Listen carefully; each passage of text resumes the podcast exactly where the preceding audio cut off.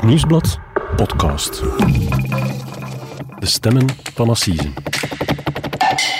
Hallo, mijn naam is Pieter Huibrechts, misdaadreporter bij het Nieuwsblad. En ik ben Mark Lefman, journalist bij dezelfde krant. En dit is onze podcast Stemmen van Assise, waarbij we u meenemen achter de schermen bij elk belangrijk proces. En vandaag hebben we het over de moord op een slagerszoon in een rustig dorpje in West-Vlaanderen. Hij werd om het leven gebracht met een pijl van een kruisboog. Het trieste gevolg van een passioneel drama dat volledig is ontspoord.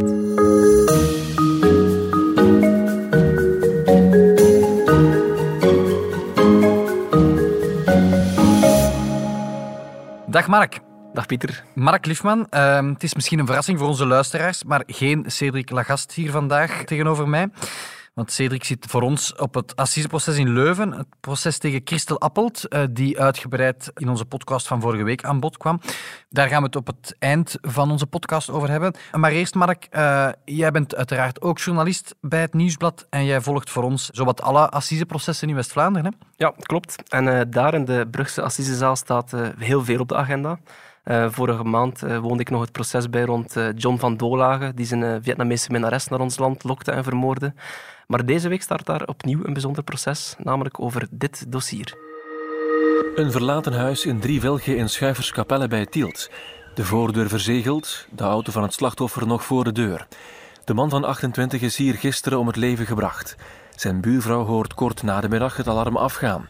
Eerst komt de beveiligingsfirma kijken en die slaat alarm. Kort nadien zijn de, zijn de combis toegekomen. En hebben ze direct de woning uh, betreden met uh, wapens dan ze dachten dat, uh, dat de daders nog binnen waren. Mark, we, we, horen hier een fragment van het nieuws van uh, Focus WTV. En in deze woning in het West-Vlaamse Schuiverskapellen, een klein landelijk dorpje bij Tielt, amper duizend inwoners, blijkt dus een jonge man om het leven gebracht. Ja, inderdaad. Uh, Bjorn de Vrieze is zijn naam. Dat is een, jonge kerel uh, die in de slagerij van zijn vader werkt, uh, maar al enkele jaren op zichzelf in, in Schuiverskapelle woont. Nu, de feiten komen aan het licht omdat kort na de middag wordt bewakingsfirma Securitas verwittigd van een inbraakalarm, omdat de voordeur te lang open stond. Oké, okay, dus die krijgen melding in de woning, uh, dat er in de woning iets los is en die sturen iemand ter plekke. Ja, klopt. Dus de, die bewakingsagent is gaan kijken en uh, zag toen in de inkomhal van de woning het lichaam van een jonge man liggen en heeft dan ja, onmiddellijk de, de politie verwittigd. Mm -hmm. En in welke omstandigheden lag dat lichaam daar dan? Ja, de politie kon enkel maar een overlijden vaststellen. Uh, inbrekers waren er in ieder geval niet. Er was niemand anders in de woning. Uh, maar zoals de bewakingsagent had gemeld, bleek de bewoner, Bjorn, op de grond in de gang te liggen. Zijn jas bleek over zijn hoofd getrokken. En aan de voordeur zagen de agenten wat ja, bloedspatten. Uh, en opmerkelijk eigenlijk, op de grond lag een vreemd metalen voorwerp met een metalen punt. Afkomstig blijkbaar van een kruisboog. Van een kruisboog? Oké, okay, en hoe wisten ze dat zo snel? Want ja, zoals je het vertelt, er lag geen wapen naast het lichaam. Nee, er lag geen wapen, maar er lag ook geen pijl meer. Enkel het, met, het vreemde metalen voorwerp, dat dus wel afkomstig moest zijn van die kruisboogpijl. En dat was afgebroken of zo? Ja, wel, ze hebben dat eigenlijk tijdens de autopsie hebben ze dat eigenlijk vastgesteld. Dus dat Bjorn de Vrieze een pijl dwars door zijn hoofd kreeg. Maar nog voor de politie er was, moet iemand die pijl terug uit zijn hoofd getrokken hebben. Jezus, oké. Dus iemand uh, heeft die Bjorn de Vrieze met een kruisboog afgemaakt Mm -hmm. uh, is dan gaan lopen. Ja, dat wijst op een zeer gewelddadige dood. Ja, absoluut. Um, hoe komen ze dan bij een dader uit? Goh, verrassend makkelijk eigenlijk. Uh, zoals dat gaat bij een moord of een plaatsdelict, dan, uh, dan zorgt de politie altijd voor een bepaalde perimeter. die ze afschermen met een politielint. Om de buren op afstand te houden. Ja, zeker en vast om de pottenkijker uit de weg te houden, maar natuurlijk ook en vooral om het onderzoek rustig te kunnen voeren. Um, nu, kort na de feiten kwamen er ook wat familieleden van het slachtoffer bij, zoals de, mm -hmm. de ouders en de zus van Bjorn. Maar, en dat is opvallend, ook een koppeltje, een, een, jonge vrouw, Sarita heet ze, en haar vriend Jordi van de Zompelen. Um, en ja, de politie ziet op dat moment dat Sarita in elkaar zakt en ja, ja, heel hysterisch begint te huilen. -hmm klinkt, klinkt als een, een scène uit Witsen of zo. Hè? zo. Iemand die aan het politielint te veel lawaai maakt of, of raar doet of, of te emotioneel is, die mogelijk verdacht is. Um, dat koppeltje kende zij Bjorn de Vrieze goed? Ja, dat kan je wel stellen, maar eigenlijk, eigenlijk veel meer dan dat. Uh, dus ja, ze, ze, was hysterisch aan het wenen en daarom besluit de politie haar uh, onmiddellijk apart te nemen en te ondervragen. Mm -hmm. um, en Sarita vertelt eigenlijk op dat moment spontaan dat ze sinds februari 2018 stiekem een relatie had met Bjorn. Februari, dan zijn we een drietal, drietal maanden... maanden voor de feiten Mhm. eigenlijk. Ehm, dus ze zegt van ja, ik heb al stiekem eh, een relatie met Bjorn de Vrieze en, en haar vaste vriend Jordi, die, die, die, die moest daar wel ergens vermoedens van gehad hebben, zegt ze. Oké. Ehm, ze vertelt ook dat ze het slachtoffer de avond voordien nog had gezien. En dat Jordi van de Zompelen s ochtends, kort voor de feiten dus, eh, nog een klusje ging doen bij zijn ouders. Ja, dus Sarita heeft die Jordi 's ochtends thuis gezien en die is dan vertrokken voor een Ja, klusje. en hij is dan na de middag thuisgekomen, dus op het moment dat eh Bjorn de Vrieze al overleden was. Maar opvallend, Jordi van de Zompelen gedroeg zich volgens Sarita op dat moment heel normaal, alsof er niets gebeurd was, niets vreemds aan hem te merken. Oké. Maar zij verdenkt hem op dat moment al van mogelijk achter de feiten te zitten. Ze moet toch wel iets meer geweten hebben op dat moment. Ja.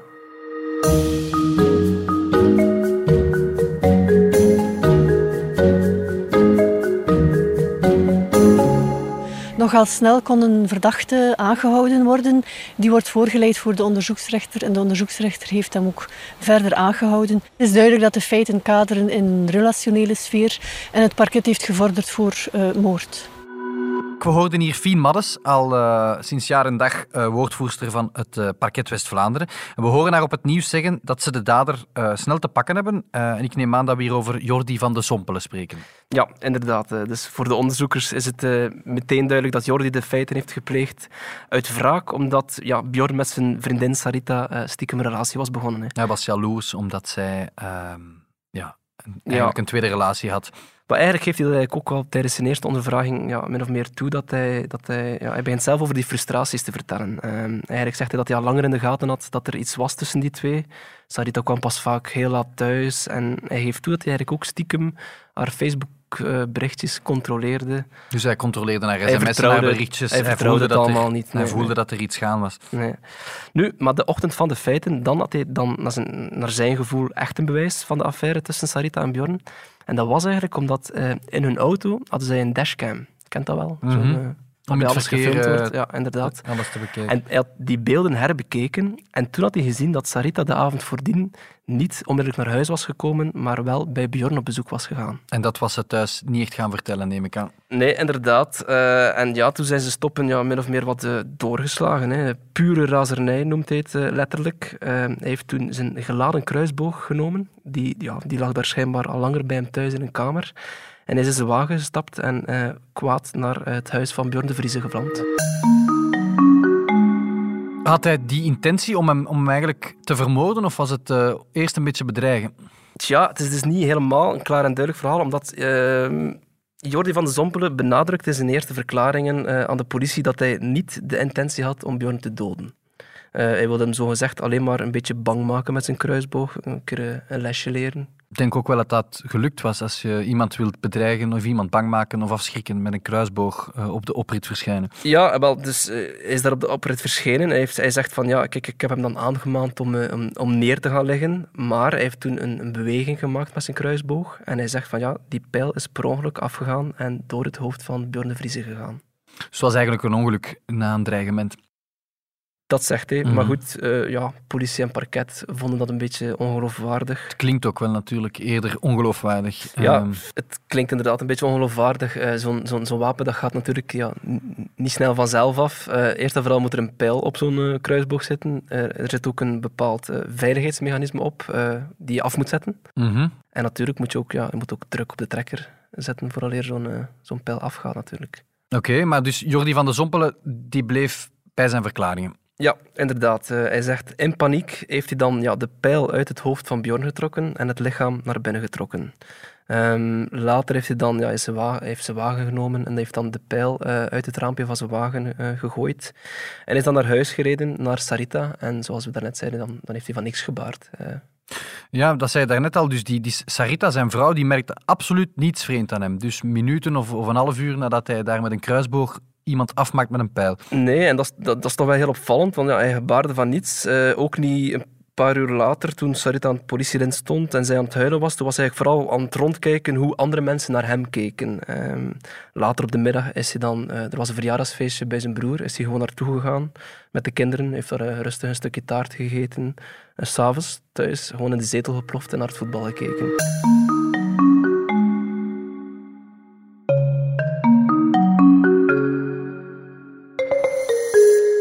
Volgens advocaten van de nabestaanden had de jongeman voldoende ervaring met het wapen. Tijdens de reconstructie toonde hij geen emoties. Voor de familie van het slachtoffer is het een zware voormiddag. Zij wilden te weten komen wat er gebeurd was. Ze zijn een klein beetje op hun honger blijven zitten. We moeten heel eerlijk in zijn. Aangezien dat we ons niet van de indruk kunnen ontdoen dat de dader zich wel eh, beter voorstelt dan, uh, dan de werkelijkheid. Mark, we hoorden hier advocaat Luc Arnoux, die de familie van Bjorn de Vrieze bijstond uh, toen Jordi van de Sompelen tijdens de wedersamenstelling uh, moest voordoen hoe dat wapen nu precies was afgegaan. Um, als ik het goed begrijp, is hij dus lang blijven volhouden dat het om een ongeluk ging. Ja, en uh, ja, terwijl het onderzoek eigenlijk aantoonde dat dat, ja, dat, dat echt niet kon. een wapendeskundige en een wetsdokter die waren van mening dat zijn verhaal eigenlijk geen steek houdt. Um, dat hij liegt eigenlijk over Dat hij liegt en dat blijkt uit het onderzoek wel vaker, dat hij zijn verklaringen aanpast. Um, zoals bijvoorbeeld over de aankoop van het wapen. Um, eerst had hij gezegd dat de, de kruisboog al een tijd bij hem thuis achter een kast in de kamer lag. Uh, maar de politie is dan door Nederlandse agenten getipt dat de kruisboog één dag voor de feiten uh, is aangekocht bij een Nederlandse wapenverkoper. Ja, Oké, okay, dus hij is op de laatste dag van april naar, speciaal naar Nederland gereden om daar een kruisboog uh, te, gaan, ja. te gaan kopen. Dat fascineert natuurlijk, hè, want uh, ja, moden met een kruisboog, uh, dat gebeurt zelden tot nooit, denk ik. Um, lijkt, klinkt vooral als klinkt iets heel... middeleeuws, hè? Klinkt als iets heel middeleeuws, ja. Um, hoe zag dat wapen eruit eigenlijk? Maar eigenlijk is dat een, een zeer professioneel jachtwapen. Um, het ging hier om een type van het merk Horizon Alpha XT. Moet dat maar een keer opzoeken op internet. ja, dan lees je al snel dat die kruisboog een zeer vernuftig wapen is dat, dat geprezen wordt voor zijn nauwkeurigheid, stabiliteit en vooral ook snelheid. Oké, okay. klinkt als een verkoper van, ja. uh, van kruisbogen. Waar, waarom, waarvoor gebruiken mensen dat? Ja, onder meer om te gaan jagen natuurlijk. Maar goed, uh, Jordi heeft daar uh, ja, 320 euro voor betaald, cash. Uh, heeft hij uiteindelijk verklaard. Um, die Nederlandse wapenverkoper waar, dat dus, waar hij het wapen is gaan halen, um, die zegt dat Van de Zompelen uh, op zoek was naar een zeer specifiek model. Uh, maar omdat hij er niet meer was, nam hij dan genoegen met dat, uh, met dat ene wapen. Uh, nu, blijkbaar uh, kwam hij wel echt over als een kenner van wapens. Um, er zijn blijkbaar ook gesprekken op, op, op Facebook en zo met vrienden waarin hij ook over wapens uh, ja, ja, praat. inderdaad. Dus hij was eigenlijk al langer daar naartoe op zoek. Ja. En wat heeft hij gedaan eigenlijk met dat wapen juist na de feiten? Ook daarover heeft hij verschillende verklaringen afgelegd. Uh, eerst dat hij de kruisboog zogezegd weggegooid in een gracht ergens in Schuiverskapelle. Uh, maar er is, ja, er is met mannenmacht naartoe gezocht, uh, met metaaldetectoren, drones, de civiele bescherming. Eigenlijk kosten nog moeite werden gespaard. Maar goed, dat wapen werd niet teruggevonden. pas tijdens zijn vierde verhoor heeft hij uiteindelijk spontaan bekend dat hij het wapen ergens anders had weggegooid, in een vaart. veel verder weg in Oost-Rozebeke. Liggen die plaatsen ver uit elkaar? Ja, behoorlijk. En daar heeft de, de brandweer dan uiteindelijk de, de, de, kruisboog ook effectief teruggevonden. Ja, dus daar, daar heeft hij ook meermaals over gelogen. Heeft de politie er ooit aan getwijfeld dat die dood van Bjorn misschien toch een ongeluk kon geweest zijn? Nee, ik denk het niet. Um, omdat ja, heeft Bjorn de Vries nog gaan opzoeken, ook in de slagerij voordien. En heeft dan nog acht minuten gewacht in zijn wagen vooraleer Bjorn thuis kwam. Dus ja, voor, voor de speuders is dat uh, ja, toch wel een, een, teken van voorbedachtheid. Hij stond hem op te wachten. Ja.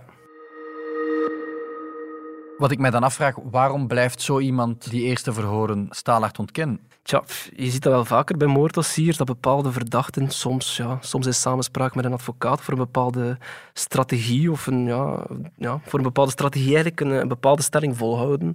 Omdat er een groot verschil is tussen doodslag en moord in ja, de afrekening. En, dat kan werken voor een assisejury natuurlijk, als die voor bedachtheid uh, niet helemaal hard kan worden gemaakt. Nu goed, als de bewijslast verpletterend is, ja, dan maak je op een assiseproces als beschuldigde eigenlijk dan vooral geen goede beurt. Hè. Ja, en zeker als je dan meermaals je versie moet, moet wijzigen. Als ik het goed begrepen heb, zegt hij ook daarover dat dat een beetje de schuld is van zijn eerste advocaat die hem in een bepaalde richting had geduwd. Inderdaad, en ja, goed, het is alleszins opvallend. Bij zijn laatste verhoor heeft hij dan uiteindelijk toegegeven dat hij wel degelijk de intentie had om Bjorn de Vrieze te vermoorden. En inderdaad, alle andere verklaringen waren dan volgens hem gelogen, zogezegd ja, op aanraden van zijn advocaat. En wat zegt hij dan, wat, wat verklaart hij dan finaal? Goh, plots, uiteindelijk heeft hij toegegeven dat hij het slachtoffer moest hebben, uh, omdat hij hem te veel pijn had gedaan. Hij verklaart zelfs letterlijk, het was ik of hem. Hoe bedoel je?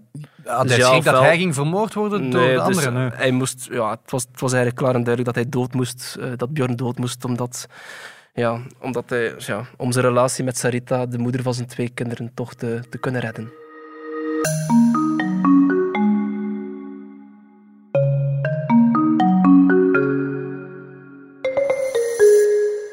Worden dagelijks mee geconfronteerd. Uh, wij missen onze Bjorn.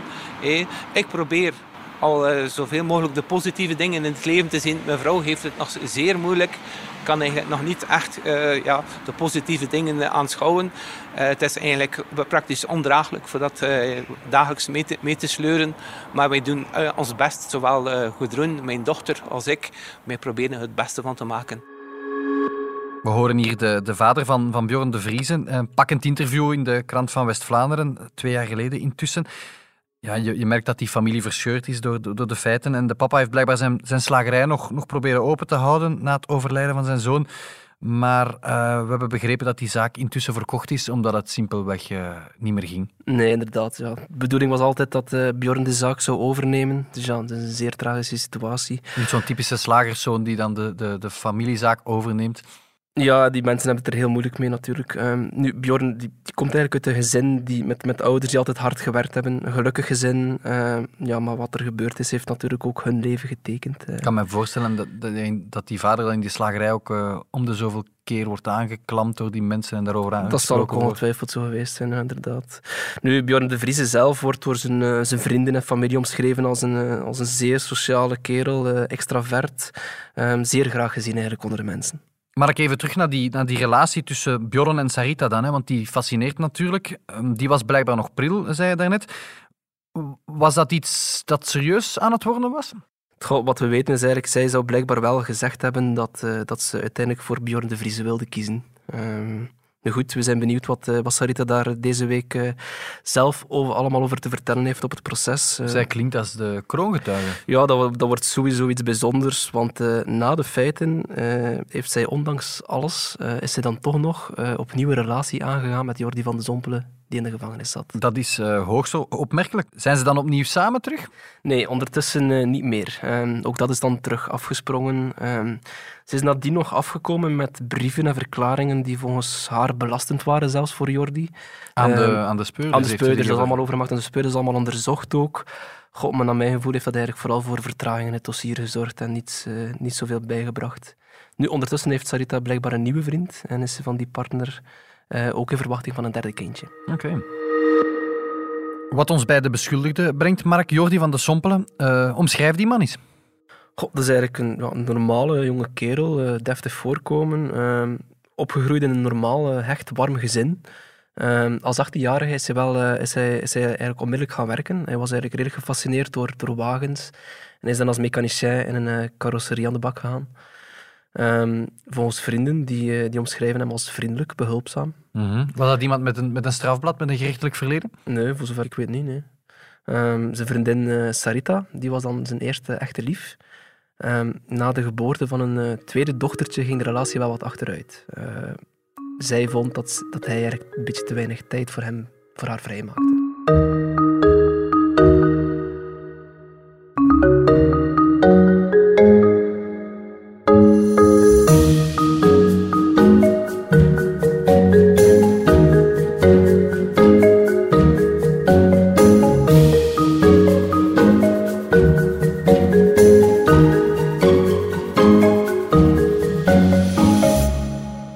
Dus Mark, even recapituleren. We zitten met een beschuldigde, Jordi van de Sompelen, die beschuldigd wordt van moord. Zijn assiseproces in Brugge start deze week. En die heeft eigenlijk tijdens die eerste verhoren volgehouden, het was een ongeluk, hij moest zeker niet dood, ik wilde hem niet dood, maar nu blijkt toch wel in zijn laatste verhoor dat er wel een intentie was om die man te doden. Zijn liefdesrivaal moest eigenlijk uit de weg geruimd worden. Ja, en ja, misschien is daar, uh, dat is misschien ook wel een beetje de verdienste van zijn nieuwe advocaat, uh, Chris Vinke. Dat is een, een, naam die we hier wel nog vaker gaan horen, denk ik. Ja, dat is, uh, in, in, in alle stilte is die West-Vlaamse assisepleiter wel carrière aan het maken. Ja, zeer ervaren assisepleiter. Hij heeft de laatste jaren bijzonder goede resultaten geboekt. Hij heeft zo'n beetje de reputatie gekregen ook van de advocaat die zijn cliënten de waarheid doet praten.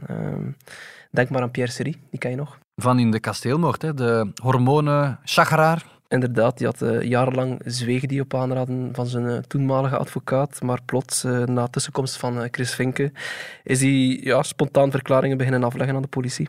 En is het Chris Vinken eigenlijk die, die gezegd heeft dus van het is misschien beter dat je gewoon de waarheid op tafel legt, want de waarheid valt nu eenmaal niet langer te ontkennen. Ja, we waren daar niet, we waren daar niet bij natuurlijk, maar goed, eh, we stellen wel vast dat er eh, op het einde dan toch een eh, bekentenis is. Mhm. Nu, Chris Vinken speelt ook nog een eh, rol in andere grote processen, hè, straks. In Eh, zowat elk belangrijk proces in West-Vlaanderen. Ja, volgende maand eh, start bijvoorbeeld het assiseproces rond het zogenoemde duivelskoppel, waar hij Hilde van Akker bij staat. Ehm, maar hij treedt ook op in de bodybuildermoord. Wat is die bodybuildermoord weer? Maar dat was die jonge kerel, Alexander Dien, die eh, vier mensen, onder wie zijn, eh, zijn, zijn, ja, zijn vriendinnetje en haar grootouders heeft eh, om het leven gebracht. En ik heb me laten vertellen dat Chris Vink ook de nieuwe advocaat is van de, de moordenaar van de, de Aalsterse burgemeester Ilse Uitersplot. Ah, oké. Dus Chris Vinken is everywhere de komende maanden. Ehm drukke agenda. Ehm, wie treedt er eigenlijk op voor de nabestaanden van Bjorn de Vrieze? Voor de ouders en de zus van het slachtoffer is dat Brigitte van der Meulen, een eh, advocaat uit Tielt. En voor de oma van Bjorn is dat Luc Arnoux, en die kennen we wel. Hè. Ervaren strafpleiter ook, hè, uit Ja. West-Vlaanderen. Gewaardeerde West-Vlaamse pleiter hij kwam ook tussen in de kasteelmoord eh, voor Elisabeth Gijzelbrecht toen. Dat was de, de weduwe van de vermoorde kasteelheer Stijn Sales. Inderdaad. En daarnaast, meer recent, was hij ook de advocaat van de omstreden Oostense vrederechter Guido de Palmenaar. Die had zich eh, verrijkt op de kap van kwetsbare bejaarden en is daarvoor vervolgd. Ehm, maar Luc Arnaud is ook bekend eh, als advocaat omdat hij jarenlang de Hells Angels in eh, West-Vlaanderen eh, Ja. bijstond. Ehm, dus ja, ik kan wel stellen dat dat ook een één brok ervaring. Ehm, Zo'n ja. beetje twee, twee keer gezond West-Vlaams boerenverstand tegenover elkaar. Ja, eigenlijk, zo, zo kan je het wel stellen en dat belooft wel interessant te worden. En wie is de openbaar aanklager in, in de zaak? Dat is eh Fien Maddes, magistraat uit Brugge. Ja, Worden dat daar- is die we, degene die we daarnet hoorden in het fragment van eh, Focus WTV. Ja, inderdaad. En eh, de voorzitter op dit proces is Mathieu de Loof. Oké. Jordi van de Sompelen heeft dus bekentenissen afgelegd. Dan denk ik, ja, veel vragen over schuld zullen er niet zijn. Waarom moeten we dit proces dan volgen? Wat staat er nog op het spel? Goh, de strafmaat hè, natuurlijk. Eh, zijn advocaat zal die natuurlijk eh, proberen zo laag mogelijk te, te krijgen. Het feit dat hij bedrogen werd door de moeder van zijn twee kinderen, dat kan misschien wel eh, ja, in zijn voordeel spelen bij de jury. Dat zal af te wachten zijn. Nu- Een beetje een man die op het punt stond om alles te verliezen en dan... Ja, ik kan me voorstellen dat er wel aan bod zal komen, inderdaad. Ehm, ook belangrijk misschien is ja, de psychiaters. Eh, er hebben eigenlijk drie psychiaters hebben hem onderzocht. En die stellen eigenlijk vandaag dat er ja, geen argumenten zijn om Jordi van de Zompelen eh, nog als een gevaar te beschouwen. Dus we zitten hier met iemand die tijdens meerdere verhoren liegt dat het zwart ziet, die iemand met een kruisboog door het hoofd schiet en dan concluderen de psychiaters, dit is niet echt iemand die je als een recidivist moet vrezen. Nee, dus die deskundigen zeggen eigenlijk letterlijk dat het gevaar op recidive is volgens hen laag. Ehm, volgens hen was zijn stemming op het moment van de feiten eigenlijk vooral depressief gekleurd, zoals dat dan heet. En ja, hij vreesde vooral dat hij zijn partner en zijn kinderen zou verliezen. Ze zien er niet iemand in die in een andere context ook dergelijke extreem agressieve, gewelddadige feiten zou kunnen plegen. Ja, inderdaad, zo kan je het stellen. Mark, voor we deze podcast neerleggen, moeten we natuurlijk nog even stilstaan bij het proces dat momenteel in Leuven aan de gang is. De moord op Andy van der Rijt in Aarschot, waar we onze vorige podcast eh, over gemaakt hebben. En, en dat bijzondere, fascinerende verhaal rond die spectaculaire, weliswaar mislukte helikopterkaping. Die zaak is maandag van start gegaan in Leuven. Collega Cedric Lagast volgt die zaak voor ons. Ik heb hem uh, daarnet aan de lijn gehad. Cedric, goedenavond. Daar in Leuven. Jij volgt voor ons het uh, Leuvense assiseproces. Dat draait rond slachtoffer uh, Andy van der Rijt. Hè. En uh, ja, ik vroeg me af, Cedric, we zijn nu dag vier. Wat is er daar gebeurd? Zijn er daar speciale onthullingen die wij absoluut moeten weten? Um, met ja, toch wel in de hoofdrol de befaamde van Fatal Christel Appelt en haar compagnon de route, Bjorn de Kant. Vertel mij er alles over. Wel ja, Pieter, het uh, proces is eigenlijk begonnen uh, met een bekentenis van Christel Appelt.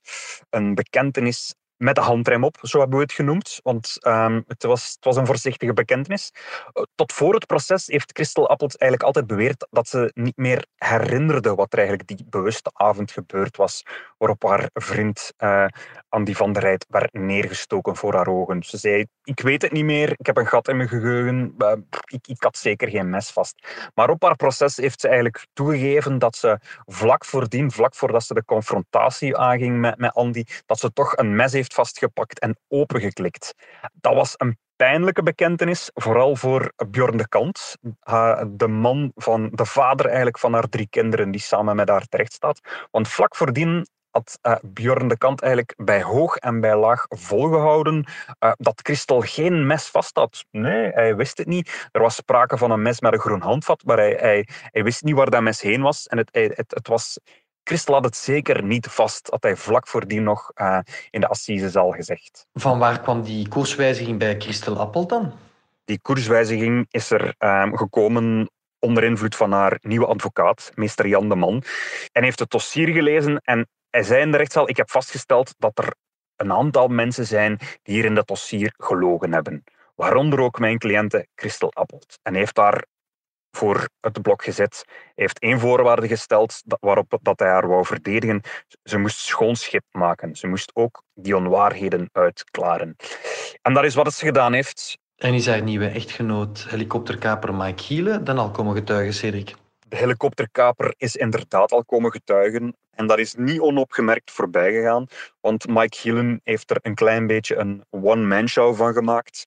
Hij werd natuurlijk overgebracht van de Brugse gevangenis naar Leuven, um, maar hij stapte heel zelfverzekerd de zaal binnen. Hij knipoogde naar Christel Appelt en ging vooraan zitten, onderuitgezakt, keek de rechtbank aan met een houding van wat wil u weten? Dat daar zes gewapende agenten rond hem stonden om hem in de gaten te houden en te verhinderen dat hij zou ontsnappen dat maakte compleet geen indruk op hem. Ook die hele setting van een assise, hij was daar niet van onder de indruk. Um, hij heeft in geuren en kleuren verteld hoe hij Christel Appelt heeft leren kennen en hoe een relatie in elkaar zit. En zijn boodschap was zo'n beetje um, dat Christel Appelt bij hem in goede handen is. Hij kwam zo'n beetje bij de jury pleiten um, voor een tweede kans voor zijn vrouw. Hij kwam zeggen van ja, er zijn verkeerde dingen gebeurd, maar Christel is vooral een gekwetste persoon met een rugzakje. En ze heeft daar nooit de goede begeleiding voor gekregen. En ik, ik ga haar die begeleiding wel kunnen geven. Bij mij is ze in goede handen. De vraag is natuurlijk of de jury daarvan overtuigd is geraakt natuurlijk. Hè. Want je kan wel wat vragen stellen bij die goede invloed. Hij verscheen zelf in handboeien daar. Hij zit zelf in de cel en het is niet voor de eerste keer. Um, hij heeft bijvoorbeeld ook al een een gsm de gevangenis voor haar proberen in te smokkelen, waardoor zij in de problemen kwam, in een strafcel belandde, zelfs uh, zelf van gevangenis moest, uh, moest veranderen. Um, ze zijn allebei gestraft omdat ze tijdens een intiem bezoek SM bedreven. En dat maakte zoveel lawaai dat dat tot ver buiten de cel te horen was. En er is natuurlijk ook de helikopterkapen. Uh, Mike Gielen heeft een helikopter proberen kapen um, om haar te bevrijden vanuit de gevangenis. Hij riskeert daar zelf 15 jaar cel voor. Zij riskeert een levenslange celstraf. Maar Gielen heeft gezegd in, de gevangenis: ik blijf sowieso bij haar om de hele rit uit te zitten. We blijven samen in de gevangenis tot haar straf is uitgezeten.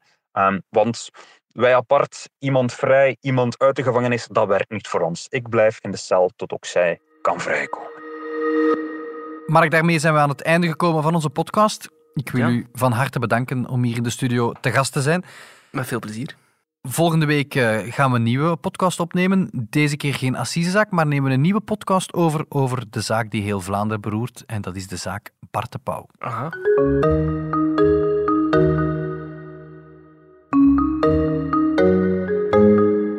Dit was Stemmen van Assise, een podcast van het Nieuwsblad. Presentatoren waren Mark Liefman en ikzelf, Pieter Huibrechts. Voor de fragmenten gaat onze dank uit naar Focus WTV en de Krant van West-Vlaanderen. De audioproductie gebeurde door Pieter Schrevers van House of Media. De productie was in goede handen van Eva Migon en Bert Heijvaart.